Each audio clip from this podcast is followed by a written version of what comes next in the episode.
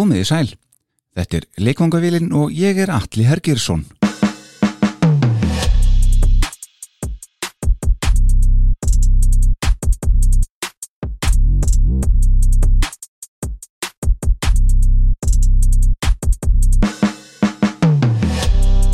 Ég vil byrja því að þakka ykkur fyrir, en ég sé á hlustunartölum að þið eru svo sannarlega að hlusta. Ég kann að meta það. Þá vil ég bendi ykkur á Facebook síðu þáttarins og minni þá á að það er alltaf gaman að heyra frá hlustendum, hvort sem það er þar fyrir allra augum eða í enga skilabúðum. En ræsum nú leikongavélina. Í þessum þætti beinum við sjónum okkar að einni af vinsælustu rockljónsveitum heims á tíunda áratug síðustu aldar. En vinsældir þessar voru fyrst og fremst söngkonu þeirra þakka sem einni var þeirra aðal lagahöfundur. Og þessi rödd, önnur eins rödd hafði varðla heyrst áður í rockheiminum og hrifist flestir með sem hanna heyrðu. Umrætt hljómsveit gemur frá borginni Limerick á Írlandi og var hún sennilegast á toppi síns ferils rétt undir aldamótin síðustu. En þrátt fyrir skjótan frama og mikla velgengni víða um heim var lífið ekki alltaf dans á rósum hjá umrættri söngkonu. Síður en svo. Við kynnumst hér nánar hljómsveitinni The Cranberries, söngkonu þeirra henni Dolores O'Riordan og örlugum hennar. Það er Böttvæsar Bútvar Léttöl sem býður upp á þáttinn að vanda.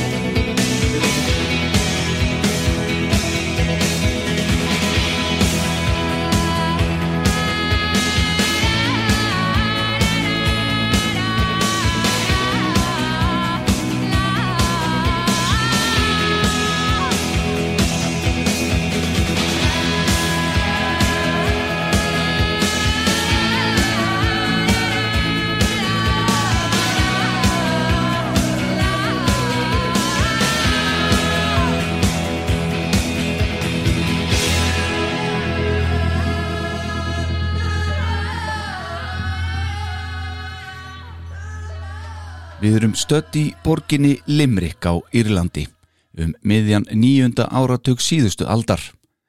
Tveir nánir bræður, fættir árið 1971 og 1973, dreyma um að egnast hljóðfæri og stopna hljómsveit. Þetta var draumur sem þeir deildu með vini og jafnaldra þess eldri. Saman hlustuðu þessir þrýr mikið á hljómsveitir eins og The Cure og The Smiths algjörlega heitlaðir og vildu svo sannarlega skapa saman eitthvað í líkingu við þessa tónlist sem áttu hug þeirra allra. Bræðurnu tveir sem umræðir voru þeir Mike og Noel Hogan. Mike er svo yngri og Noel því sá eldri. Vinurinn góði sem þarna let sig dagdreima með þeim bræðurum er Fergal Lawler. Það var svo um einn jólin á setni luta nýjunda áratugarins sem Fergal fekk trommusettað gjöf frá foreldri sínum og var hann þar með tilbúin í hérna óstofnuðu hljómsveit. Nokkru vikum síðar og eftir nokkuð þrás frá þeim bræðrum letu foreldra þeirra loks undan og keiftu hljóðfærin fyrir þá sem þá dreymdi um og reynda núna bráð vandaði. En til að smetla saman í drauma hljómsveitina með förgalvinni sínum þurftu þeir annarsvegar bassa og hinsvegar gítar. Þetta var ekki flókið fyrir unga og stórhuga menn á þeim tíma. Svo fór að Mike Hogan fekk bassa en eldri bróðurinn Noel Hogan fekk gítar. Bræðurnir glömruðu mikið saman og æfðu sig eins og þeir mögulega gátu á samt vini sínum húnum förgal. Snemma árið 1989 kynntust þeir dreng sem þá var reyndar söngvari í annari úlingarhljómsveit í Limrik. Niall Quinn hétt sá og þar sem rock-hljómsveitirnar tvær deildu á samt svo öðrum æfingarhúsnaði hóf Niall Quinn að prófa að syngja með okkar mönnum. Þetta leti til þess að Quinn yfirgaf sitt gamla band og gekk til liðs við okkar menn og loksar kominn söngvari í bandið. Þetta varu mitt ár árið 1989 og til var hljómsveitin The Cranberry Sauce.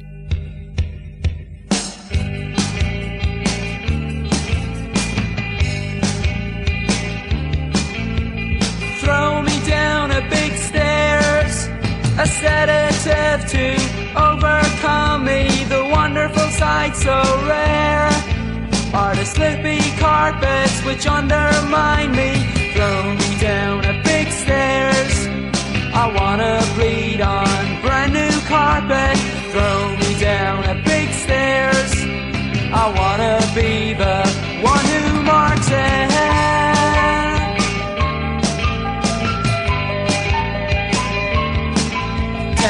50 steps inverted went dashing by my head. I stared back up the steps and blurred. The Cranberry Source starfaði svona skipaðir í nokkra mánuði og komu nokkur sinnum fram auk þess að komast í hljóðverð og taka þar upp fjögulög en Noel var hér orðin ansi afkasta mikill lagahöfundur. Þessi lög komu svo út á EP-plötunni þeirra Anything í lok árs 1989. Eitt þessara laga er þetta sem við heyrum hér undir og heitir það Throw Me Down a Big Stairs. Það er eftir Noel Hogan og hér má ég myndi heyra í þáverandi söngvara þeirra fyrrnumdum Niall Quinn. Það gerði svo sem ekki mikið hjá The Cranberry Sauce eftir að þessi demo voru tekinu upp fyrir utan spilamennsku á lokal stöðum fyrir ungt fólk innan borgamarkana í Limrik. Það var svo fyrsta ársfjörðungi ársins 1990 að Niall Quinn sagði skilið við bandið og gekk til liðs við sína fyrri hljómsveit á ný. Allt fór það þó fram í góðu og skildu leiðir okkar manna og Niall Quinn í mesta bróðurni. En tilvera The Cranberry Sauce helt áfram sem betur fyrr. Þeir Hókan Bræður og Förgal störfuðu áfram sem tríó og innbyttu sér að því að spila sér vel saman og þá instrumental þar sem enginn var söngvarinn. Svona störfuðu þeir í cirka bát hálft ár og nýttu þeir tíman líka vel til að semja eitthvað af nýju efni í leiðinni.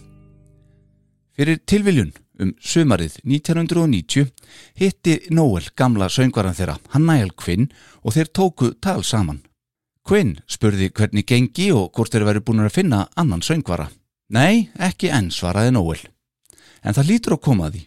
Við hljótum að finna eitthvað fyrir rest, reyndar voru við að setja auðlýsingu í bladið til að aðtóa hvort það væri ekki eitthvað góð söngkona á lausu. Við ætlum að prófa það. Þá kom Niall Quinn með nokkuð góða hugmynd. Hugmynd sem verður einfallega betri og betri eftir því sem tímanum fleitir áfram. Herðu vinkona sýstur kærustu minnar getur sungið held ég, eða það sagði hún. Hún er vist eitthvað að semja líka lög því að tjekka á henni kannski. En hver allir þetta hefur verið? Til að komast að því, þá skulum við kíkja þans aftur í tíman. Allt frá miðju ári 1990 og aftur til höstins árið 1971.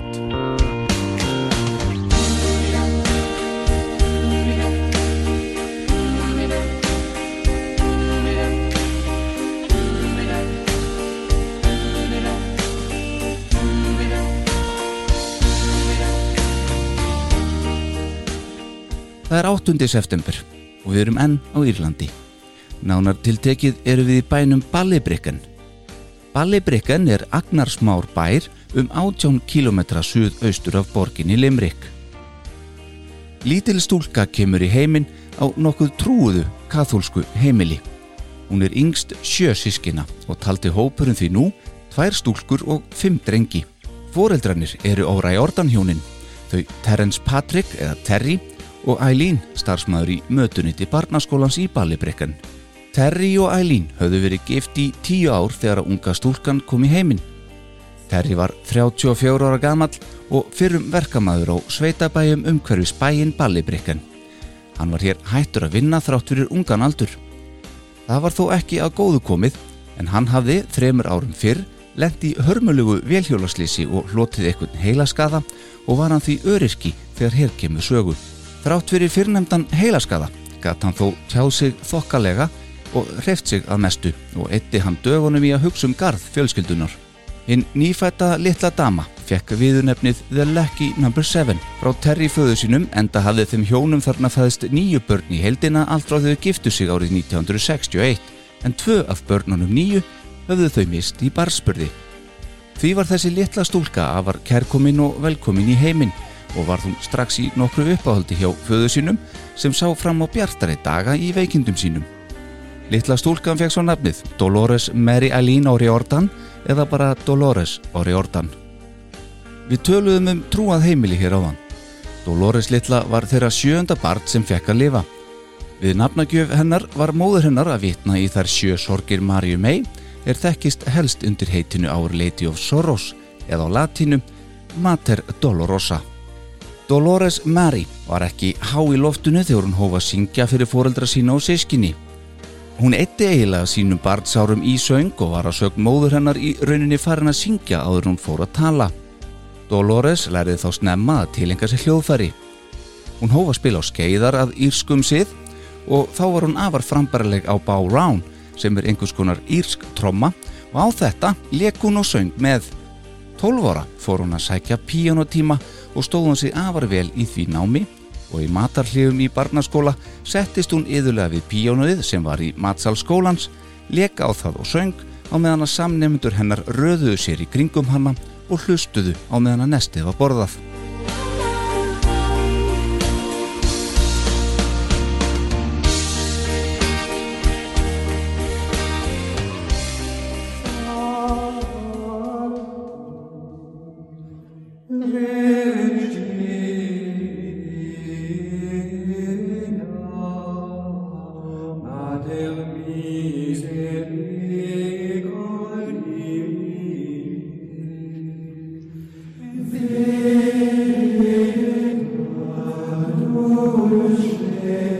Sjálfsögðu söng Dolores einnig í barnakór katholsku kirkjunar í Ballibrikkan og má segja að hún hafi tekið mikið með sér áfram þaðan þegar að fram í sóti.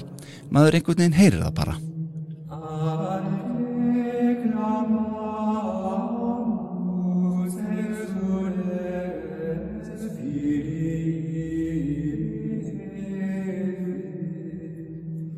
Dolores naut barnsárana og henni leið vel að eigin sögn. Hún átti jú fimm bræður og var hálgjör strákastelpa svona framanaf. Hún vildi leikins og strákarnir og helst að læra að gera við vélar og slíkt alveg eins og bræður hennar voru að aðhafast. Hún leik sér til að mynda ekki með dúkur og gerði sér það að leik að drepa dúkurnar. Grafa þær út í gardi þar sem hún sett upp kross og þessóttar til að gera gröfina eins raunverulega og hægt var. Þetta sama gerði hún við dúkur sýstur sinnar. Þeirri síðar nefndu til Mikils ama enda þótti henni afar væntum sínar dúkur. En frá þessu saði Dolores í sjónvásviðtali árið 2011 á nokkuð spauðilegan hátt og hafði gaman að.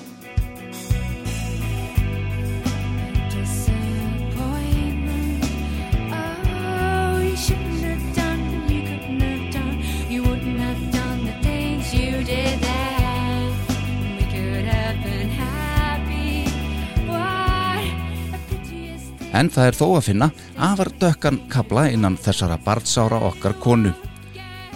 Þegar hún var sjö ára gömul, kveikti sýstir hennar fyrir mistök í húsi fjölskyldunar sem brann til grunna, en allir fjölskyldumeðlimir sluppu þó heilir frá óskupunum. Nær samfélagi tók sér saman og hóf söpnun á nýju heimili fyrir þessa nú heimilislösu nýju manna fjölskyldu og það tókst. Þau fluttu því í annað hús og ári síðar, eða þegar að Dolores var 8 ára gömul, hófst enn dimmari kapli.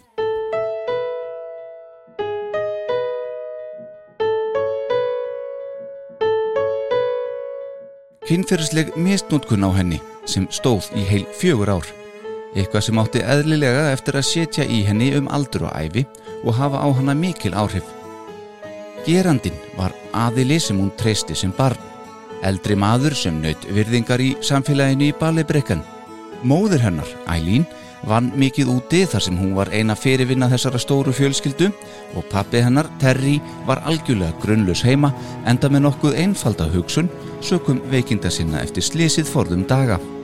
Dolores myndist úlingsára sinna sem í mikill í rútínu og endurtekningu. Fari í skólan, fari í píjónatíma, mæti messu og kóraæfingu í kirkinu og læra heima. Þó svo að henni hafi gengið mjög vel í náminu og kláraði langa oftast heimanámið sitt, þá var hún farin að eyða tölvert löngum tíma í eigin lagasmíðar á píanóið sem hún hafði afar gaman að og fannst henni sjálfri hún vera nokkuð góð í því líka og vann hún söngkeppni í skólan síns nánast á hverju ári út skólagönguna. Þetta var til þess að hún kendi sjálfur sér á gítar þegar hún var rétt að verða 17 ára gömul. Hún var nokkur reyður úlingur og eðlilega. Fyrsti kærasti hennar var drengur að nafni Mike O'Mahony en honum kynntist hún þetta sama ár þegar hún var 17 ára. Hann var þó ekki fyrsta ástinn hennar því síðar sagði hún frá því að hún hafi kolfallið fyrir breskum Hermanni en með honum uppliði hún sinn fyrsta kors. Um það augnablik er til lag sem þið flest þekki svo vel í dag. Linger. Dolores og Mike O'Mahony fluttust saman til Limerick þegar að Dolores var 18 ára gömul árið 1989. Hún eiginlega stakk af að heiman eins og hún sagði sjálf frá síðar en hún vildi þó ekki fara langt. Með þessu síndi hún einhverja uppreist sem reyður úlingur án þess þó að gera móðu sinni of mikinn óleik. En samband þeirra maðurna var mjög gott alla tíð. Hins vegar sá okkar kona framtíð sína í tónlist á meðan að móður hennar vildi að hún færi í háskóla eða jafnvel að hún myndi íhuga alvarlega að gerast nunna. Dolores var alls ekki á því og hafði nákvæmlega engan áhuga á slíku. Hún og Mike byggu saman í lítilli íbúði í Limerick og stunduðu djammið að fullum krafti eins og margt út fólk gerir. Þau óttu ekki mikinn pening og Dolores sagði síða frá að hún eigi af sér minningu þar sem þau voru einfallega sársvöng en þó fekk hún hlutastarf í fataverslun til að slá á mesta hungrið og borga leiguna. Dolores kynntist fullt af nýju fólki og vinahópurinn stækkaði ört. Hún satt oft með gítari sinn heima með Mike þar sem hún held áfram þeirri yðju að semja sín eigin lög. Ekki kom hún þó fram neinstar ofinberlega en þeimun meira spila hún fyrir vini sína í partíum sem haldin voru í litlu íbúðunni þeirra Mike. Það var svo einn daginn um mitt ár, 1990, að vinkona hennar sagði henni frá að hún vissi af hljómsveit sem væri að leita að söngkonu. Kærasti sýstur vinkonu minnar var með þeim í hljómsveit en hann hætti og þeir eru núna að leita að söngkonu. Þeir kalla sig The Cranberry Sauce. Þú ættir að tjekka á þeim. Dolores sló til og hjólaði í æfingarhúsnaði The Cranberry Sauce, klætti í íþróttagalla og með hálf ónýtt Casio hljómborð undir hendinni. Hún var mætt í hálgerða áhörnapröfu hjá þeim Noel, Mike og Fergal.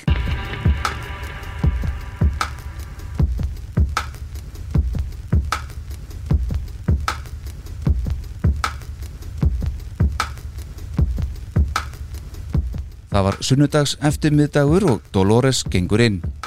Þarna sátu þrýr ungir menn sem heilsuði henni og byðu spendir á meðan hún tengdi hljómborðið sitt. Frá þessu sagði Noel Hogan síðar frá. Þetta hlýtur að hafa verið afar erfitt fyrir hana. Hún var svo feimin og henni lág svo lágur rómurinn. Hún spilaði svo fyrir okkur tvö frumsamin lög á samt því að taka fyrir okkur einni læði Troy með Sinead O'Connor. Við vorum verulega hrifnir af því sem við heyrðum. Röddinn var svo stór og mikil sem kom út úr þessum litla og manni fannst brotætta skrokki. Hún sagðist eiga svo fleiri lög og væri nokkuð duglega að semja. Við vildum endilega heyra meira og sendum hana því heim með kassettu sem inn í allt lag sem ég hafði samið og við höfðum tekið upp demo af þarna í æfingarhúsnaðinu. Við báðum hann að semja við það laglínu og texta og jafnvel að bæta einhverju við líka ef henni dittið eitthvað gott í hug. Þegar hún svo kom aftur innan við viku síðar og leiði okkur að heyra útkomuna var hann einfallega ráðin í bandið á staðnum. Við vorum orðlausir. Við göftum bara. Hún hafði tekið þetta litla lag mitt og bætt það sem ummunar. Hún var augljóslega miklu framar en ég í lagasmíðum. Hvernig ósköpunum stóð á því að þessi stúlka væri ekki þegar í hljómsveit? Lægi sem hún mætti með full klárað var fyrrnemt Lingar. Nánast alveg eins og það endaði svo á plötun okkar síðar meir.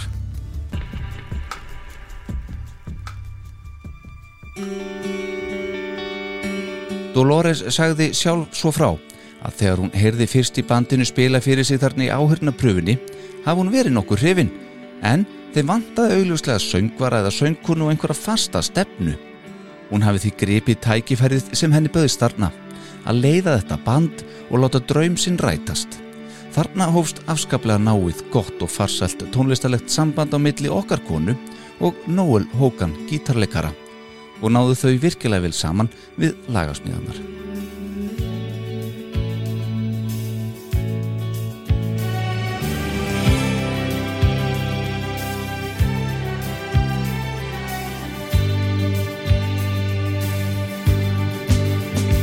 If you,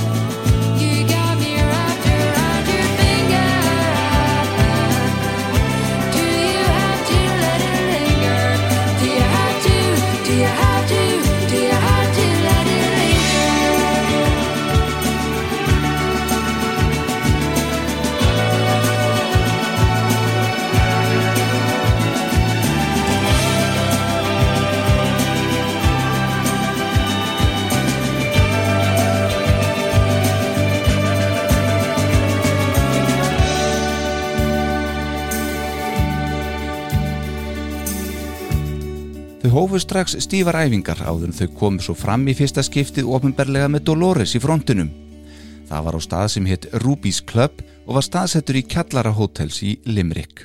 Þau komu þar fram á samt þremur öðrum hljómsutum frá borginni og fyrir fram að cirka 60 áhörundur. Það var svo síðar um sömarið 1990 að þau komist inn í Serik hljóðverið í Limerick til að taka upp litla EP-plötu. Reyndar tvær EP-plötur sem komu út með afar stuttu millibili.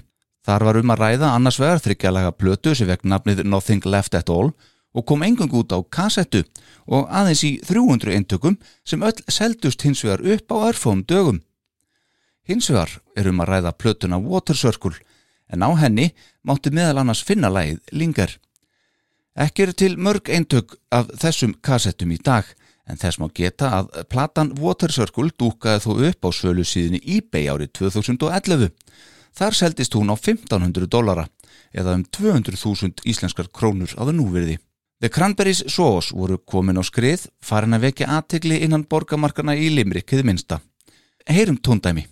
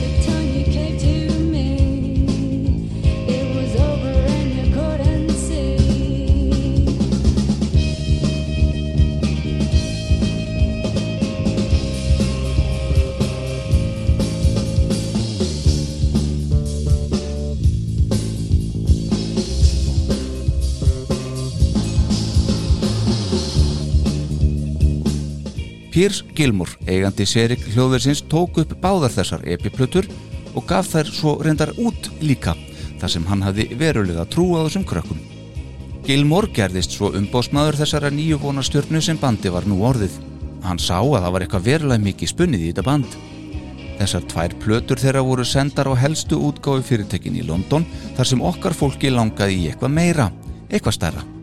Þeim langaði að segja skilið við giggin á klúbónum í Limerick sem á annar staðar á Írlandi og setja stefnuna hærra og lengra. Fyrsta útgáfi fyrirtæki til að býta agnið var útgáfan Rough Trade með Geoff Travis í brúnni. Bandið var uppnað sér yfir því að Rough Trade hefðu áhuga en það höfðu The Smiths verið þar að mála frá árinu 1983 til 86 en það samstarf gekk ekki vel og reynda endaði mjög illa og því sögðu okkar fólk nei við þessu góðabóði. Bandi náði þó aðtikli nánast allra útgáfurisana í borginni og fyrirtækin keftust við að bjóða þeim besta plötusamningin en þau tóku sér góðan tíma í að velja rétta samningin. Piers Gilmore, umbósmaður sveitarnar bókaði næst bandið á cirka 1500 manna tónleikum sem haldni voru af samtökum háskólanemenda í Limerick. Þar var safnað pening til góðgeramála. Tónleikarnir sem fóru fram í Jetland Center þann 18. april 1991 var eitthvað sem bransin í London ætlaði svo sannarlega ekki að láta fram hjá sér fara. Alls flugu 33 útsendarar yfir til Limerick til að freysta þess að fá bandi til að skrifundi samning. Má þar nefna útgáfurisa eins og Virgin, EMI og Island Records. Einn af þessum útsendurum í áhorundahópnum þetta kvöld var Danny Cordell frá Island Records. Danny var góðsögn í þessum heimi eftir störf sín sem upptökustjóri með Procol Harum, Joe Cocker og fleirum. Til að gera langasögu stutta valdið bandið samningin frá Island Records og átti fyrrnemdur Denny og hans sannfæringakraftur stærstan þátt í þeirri ákvarðun. Um var að ræða sex plötur samning. Nafninu var fljótlega breytt úr The Cranberry Sauce og í einfallega The Cranberries sem var auðvitað miklu betra og þjalla nafn. Cranberries eru hér mætt. Meðlimir hættu í dagvinnunum sínum og hófa spila víða um England en með áhersluna á London við góðan orðstýr. Fyrsta platan sem Cranberries gerði eftir að hafa skrifað undir samningin var enn önnur EP-platan og aftur var það umbóðsmaðurinn Piers Gilmore sem stjórnaði upptökunum. Fjaralega platan Uncertain kom loks út í oktober 1991 bæð á geisladisk sem og vínil í cirka 5000 eintökum. Skemst er frá því að segja að platan hitti ekki í mark og fekk reyndar slæmadóma. Meðlimir Cranberries kendu hér um eftir vinslunni hjá Gilmore og var því loks ákveð að hann stíði til hliðar og hætti allri aðkomuð bandinu í janúar 1992. Cranberries þurftu eiginlega bara að byrja á nýtt. Meira segja var hætt við útgáfu á þeirra fyrsta tónlistamindbandi sem þó var tilbúið og var við titillag plötunar. Myndbandi kom svo loks út, ef svo má segja, í april 2020 þegar því var hlaðið upp á síðuna YouTube.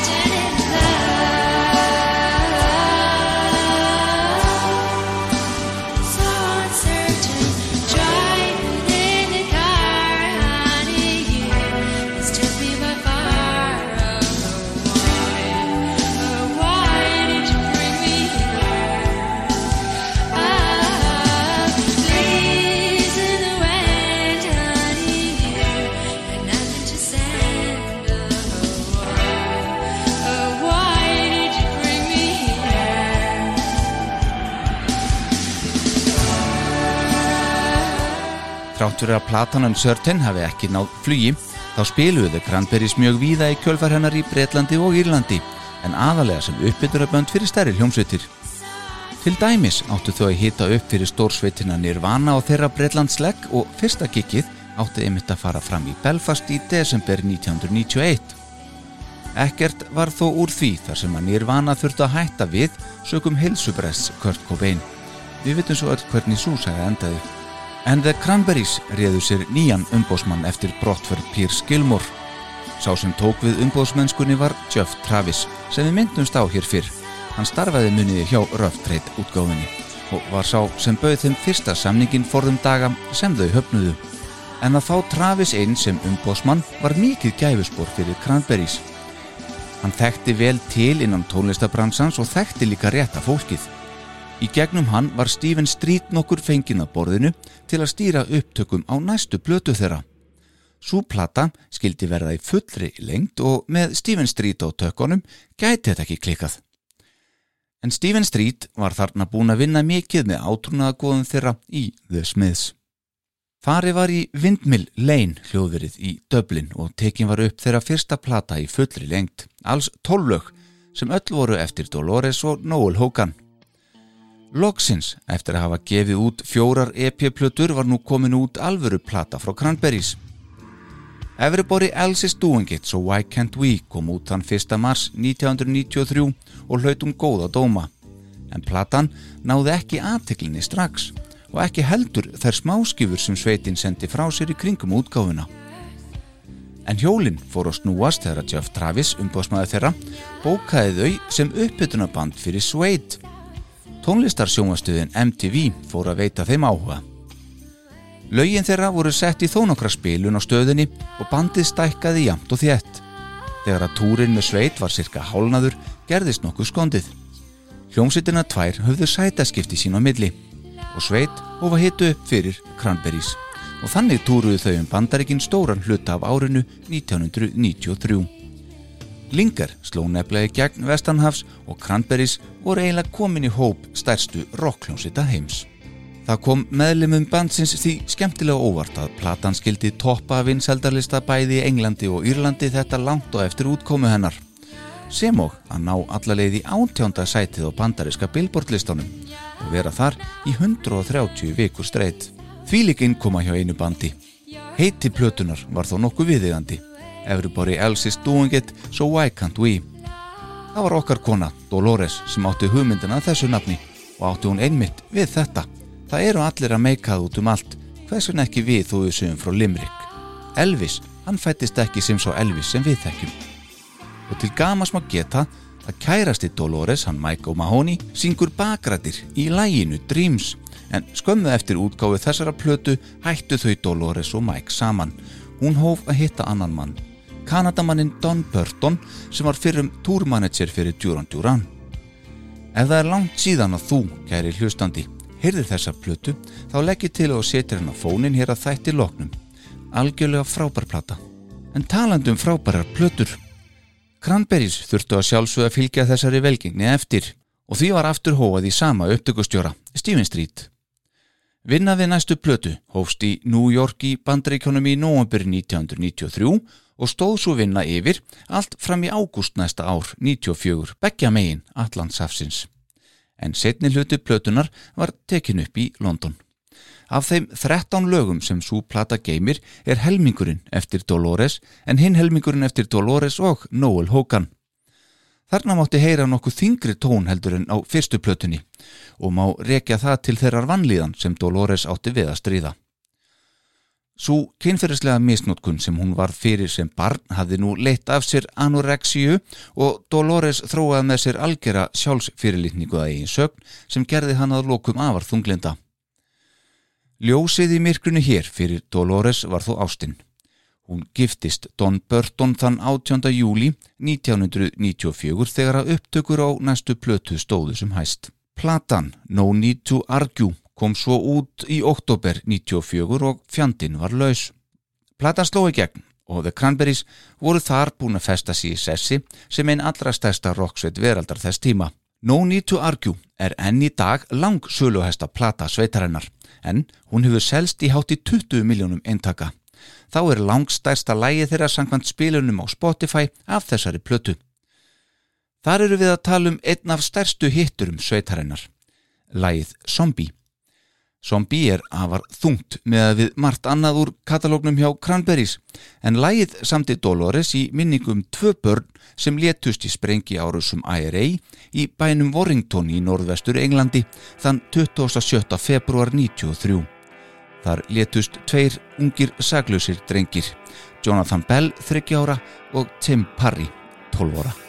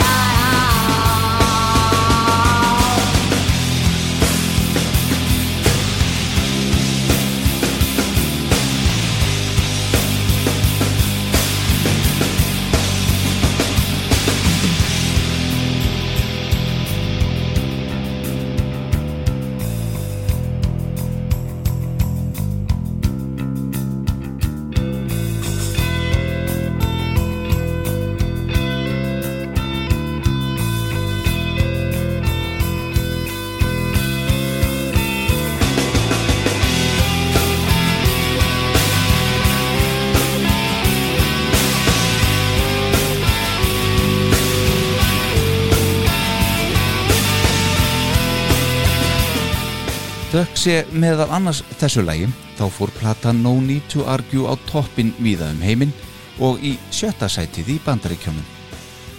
Hún er fyrir löngu komin í annarkort gull eða platinum sölu í flestum löndum þar sem plötur hafa annarbor selst í.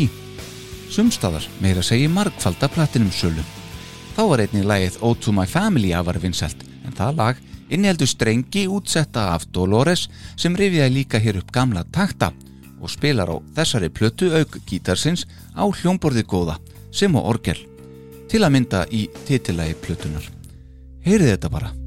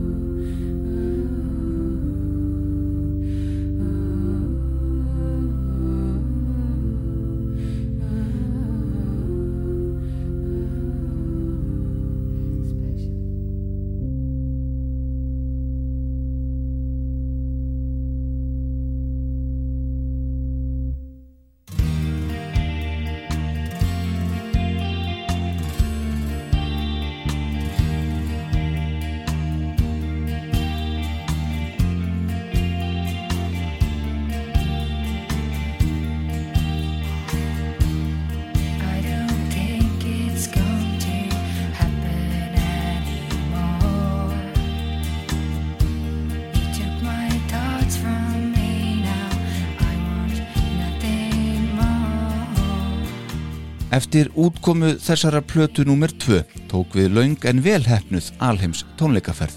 Sú tónleikaför stóð út nánast allt árið 95 þar sem bandið kom meðal annars fram á Woodstock hátíðinni þegar hún var endurvakinn. Þegar að bandið ætlaði svo að spila Unplugged í Sylvan Theater í Washington borg þann 15. mæ 95 var búist við cirka 3000 áhorfundum.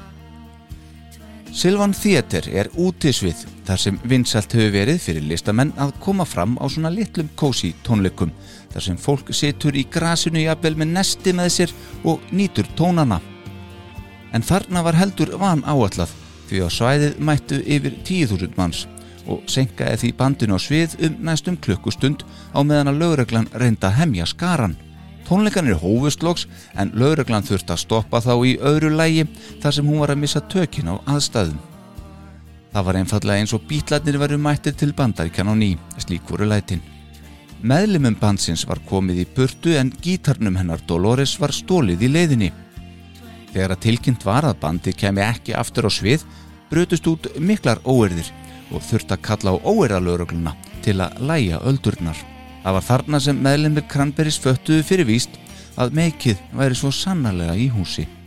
Þann 12. september þetta sama ár 95 kom Dolores fram á tónleikaröðunni Pavarotti and Friends þar sem hún söng duett bæði með Simon Le Bon úr Duran Duran sem á sjálfum Pavarotti. Þar sungu þau Dolores og Pavarotti saman lægið Ave Maria og útkoman var heldur góð en nánar um það hér á eftir. Áfram gakk. Upptökur á þriðju plötunni hófust í november 95 og stóðu þær fram í februar 1996. Upptökunar fóru fram í Windmill Lane hljóðurinn í Dublin líkt og fyrsta platan þeirra, en einnig þó í Kanada. Upptökustjóri þessara plötu var einmitt Kanadamaðuranafni Bruce Furburn. Bruce var reynd ekki byrjandi í fæinu, en hann hefði getið sér gott orð sem upptökustjóri fyrir bönd eins og Aerosmith, Loverboy, ACDC, Poison, INXS, Van Halen og Bon Jovi. Til að mynda tók hann upp plötuna slipir í venn vett með þeim síðastnemdu, ódöðlegt. En til gamans má hér geta að feimur árum síðar, eða árið 1998, tók Bruce Furburn upp plötuna Psycho Circus með stórsveitinni Kiss. En það er sko allt unnu saga. Þriðja plata Cranberries, To the Faithful Departed, kom út þann 30. april 96 og fór hún beint í fjórðarsætið í bandaríkjónum sem er það hæsta sem bandi hefur náð þar í landi. Þá seldist platan einnig afarvel í öðrum löndum. Þá var það næsti alheimstúr sem tók við. Hann bara heitið Free to Decide World Tour og hófst hann á útgáðu degi plötunar með tónleikum á Filipsegjum. Túrin gekk brösulega. Miðarnir rauk út það vantaði ekki. En þreita var komin í hópin eftir gríðarlega mikla keirslu síðustu þrjú árin eða svo. Bandið þurfti að aflýsa síðustu tólikum sínum innan Norður Ameríku og svo öllum Evrópulegnum þar sem heilsan hjá Dolores sérstaklega bauð ekki upp á meira í bíli. Hún var hægt að geta sofið, þjáðist af miklum kvíða og anorexian var alls ekki að hjálpinni neitt. Hún varð að fá kvíldina og stakku upp á að bandið tæki sér pásu. Reyndar voru þeir förgal og hókanbræður sammála um að það veri sennilegast öllum fyrir bestu og stuttu söngkonu sína í þessari ákvörðun þvert á vilja bæði umbóðsmanns þeirra sem á plötu fyrirtækisins. The Cranberries tóku sér cirka ársleifi frá tónlistinni og Dolores ákvaðan á tökum á sínum málum. Hún ákvaða að leita sér hjálpar. Þetta ár var okkar konu meira segja bóðið að sjá bæði um tónlistina sem og leika í stórmyndinni Titanic en hún einfallega varð að gefa það frá sér.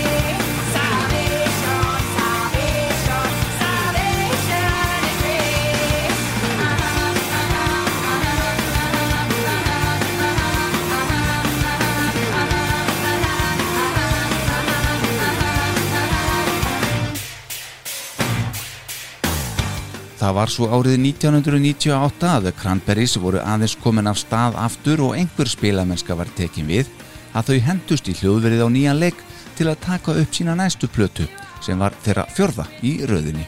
Upptökustjórin var Benedikt Fenner en platan Bury the Hatchet kom út þann 19. april 99 og seldist reyndar þokkalega vel og fór meðal annars snemma í gull í bandarækjónum og þá komst hún fyrir ofarlega á listum við sverum heiminn þrátt fyrir að mikið grín hafi verið gert af albúminu sjálfu. En þessi plata, Bury the Hatchet, ratar reglulega á lista yfir ljótustu plötu albúm sögunar. En hvað um það? Hraðin sem fylgdi þessari plötu var meira við hæfi fyrir Dolores. Hún hafði þó þarna náða sapnu kröftum ásatt í reyndar að eignast sitt fyrsta barn með eiginmanni sínum honum Don Burton. En þau höfðu þá, þegar hér komið sögu, búið sér gott heimili í Kanada. Cranberries leiði núna eins og þau veru sjálf við stjórnvölin og túrin sem tók við núna stóð í 110 daga og var það mest sótti og því best hefnaðasti túr í sögu bandsins. Blað var brotið í sögunni því The Cranberries var fyrsta hljómsveitin í heiminum þar sem seldi upp heilan alheimstúr með miðasöluna aðeins á netinu. Túrin stóðloks fram í júli árið 2000.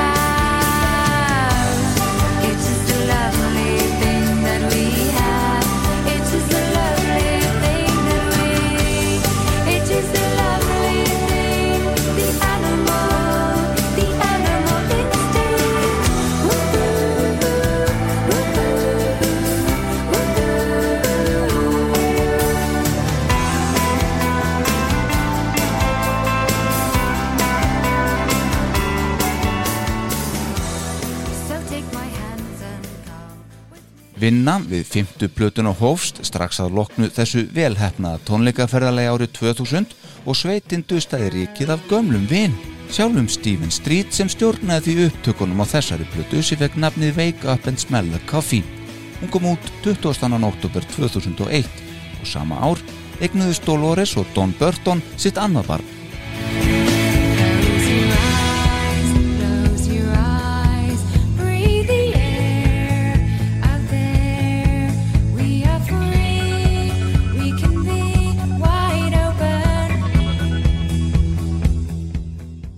Hér hægðist á vélinni allverulega. Platan náði aðeins í 47. sætið í Bandaríkjónum og bara 61. og 1. sætið í Bretlandi. Nokkuð lítill en þó krútluðu túr tók við en að honuloknum var ákveð að gefa þessu annað frí. Hljómsveitin var hér byrjuð að taka upp næstu plötu en upptökunar voru allar settar upp í hillu. Dolores langaði að eyða meiri tíma með börnunum sínum og eiginmanni. Rockstjarnan var því líka lögð upp í hillu árið 2003 í evolution.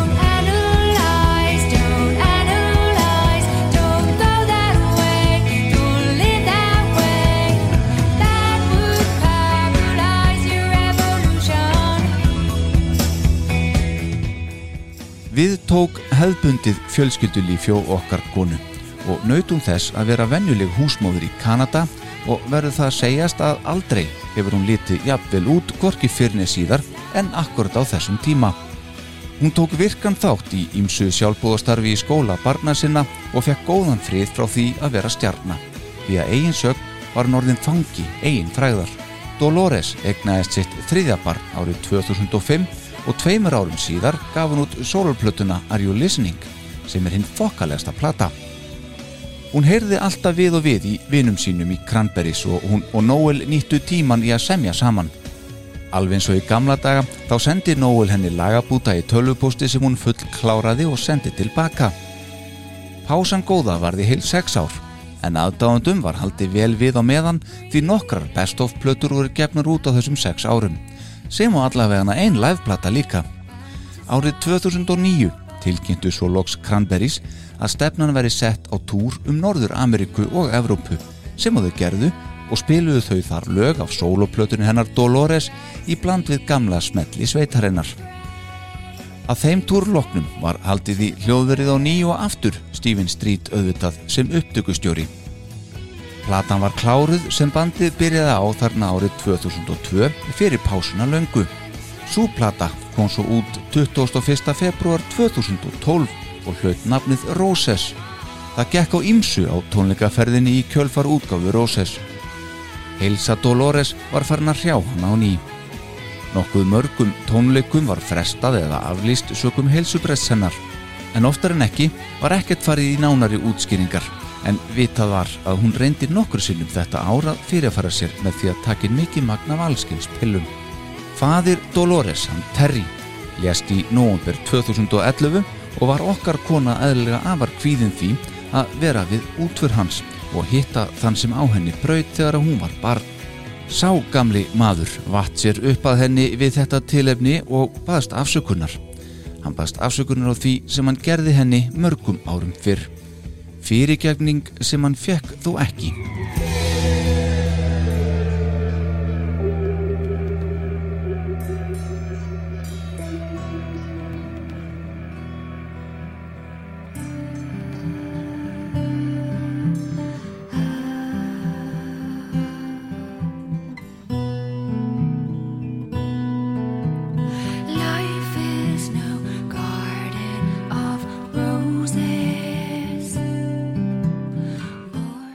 Þetta allt rjáði hana svo sannarlega áfram.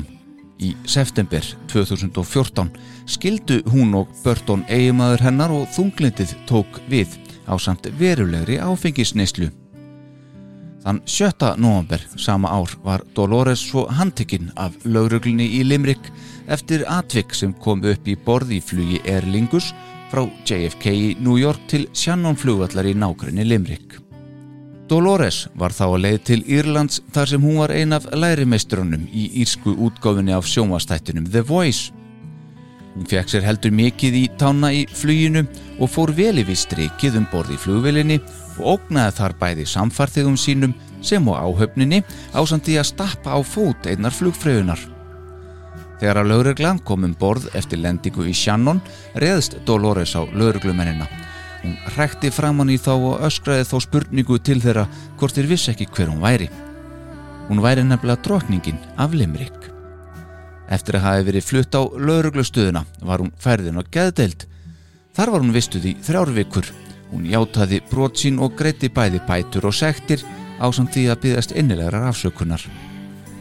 Nokkrum sinnum eftir þetta atveiku hugsaði hún svo alvarlega um að enda lífsitt og var meira að segja í eitt skiptið búin að skrifa sjálfsmórsbrefið þegar hún hætti við. Hún vildi áfram lifa fyrir börnin sín. Hún hóf þá að hitta rúsneska tónlistamannin Óli Koretski. En samband þeirra rataði nokk sjaldan inn á síður bladana þar sem þau heldu sig að mestu útaf fyrir sig. The Cranberries gafu út plötuna Something Else árið 2017 en svo plata sem er þeirra sjönda hljóðversplata geymir aðalega þekkt lög þeirra í akústik útgáfum í þetta skiptið.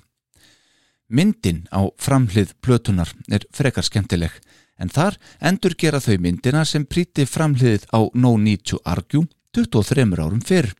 En þá komaði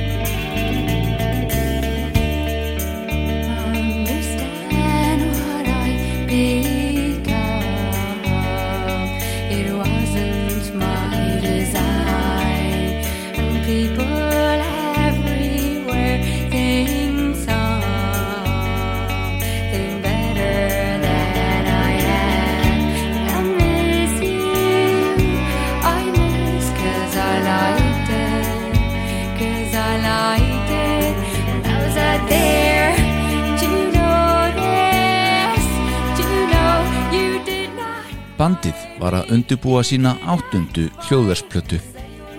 Það er janúar 2018. Noel Hogan og Dolores Óra Jordan voru dugleg að senda á milli sín lagabúta þegar að platan var samin, rétt eins og þau voru ávalt vön. Hún var stödd í New York þar sem hún bjó á samt kærasta sínum Óle Koretski í Trump-turninum fræga. En Noel var hinum eigin við Allandshafið. Plani var að hittast svo í London nokkrum dögum síðar til að funda með útgáfi fyrirtækinu um þessa áttundu plötu þeirra. Dolores flög til London og innritaði sig á Hilton hótelið á Park Lane í London þann 14. janúar 2018. Hún talaði við móðu sína í síma um klukkan 2 eftir miðnætti þann 15. janúar. Síðar um nóttina fekk Noel Hogan frá henni e-mail með demosöng af einu af læginu sem fara átti á plötuna. Morgunin eftir svaraði Dolores ekki í síma og hún kom ekki til dýra þegar að aðtóa var með hana. Reglum samkvæmt var lögregla köllu til sem kom að henni látinni í baðkari hótelherbyggi síns klukkan 16 mínútur yfir nýju að morgni 15. janúar 2018. Hún var 46 ára gömul og leta eftir sig þrjú börn. Dánarossök voru gerð kunn nokkru síðar og var það druknun og fannst heldur mikið magnað áfengi í blóði hennar. Dolores var borin til gravar frá litlu gulu kirkjunu sinni í Ballebryggen þann 23. janúar og kvílir nú við hlið föður síns. Upptakan af Ave Maria dúetnum sem hún söng með Pavarotti og við heyrðum um hér áðan var spiluð við útförina á samt svo mörgum af hennar bestu lögum.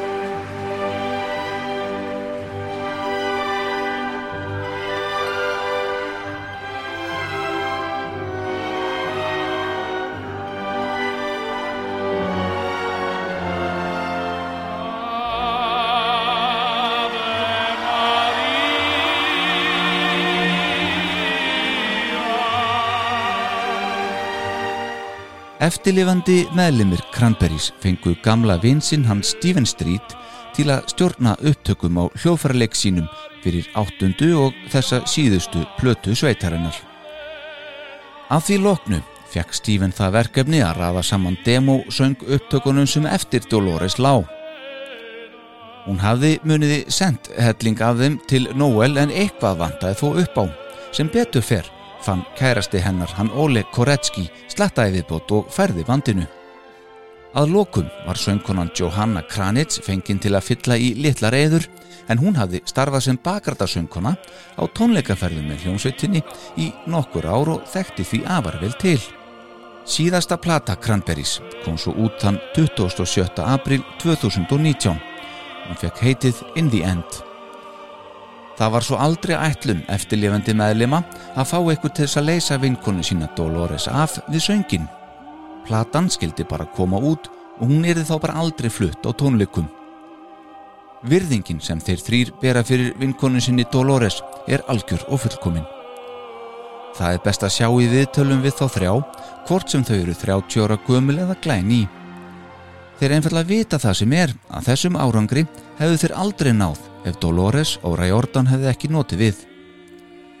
The Cranberries eru ekkert án Dolores eins og Noel Hogan gítarleikari orðaði það svo vel í viðtali við útgáfu plötunar inn í end. The Cranberries hafa selt um 50 miljónir platna í heiminum öllum og er án vafa ein af allra stærstu hljómsveitum sem komið hafa frá vinum okkar á Írlandi. Kekjastöf. Þetta var leikungavillin. Ég heiti Alli Hergersson. Takk fyrir að hlusta. Ain't it strange when everything you wanted was nothing that you wanted in the end? Ain't it strange when everything you dreamt of was nothing that you dreamt of in the end?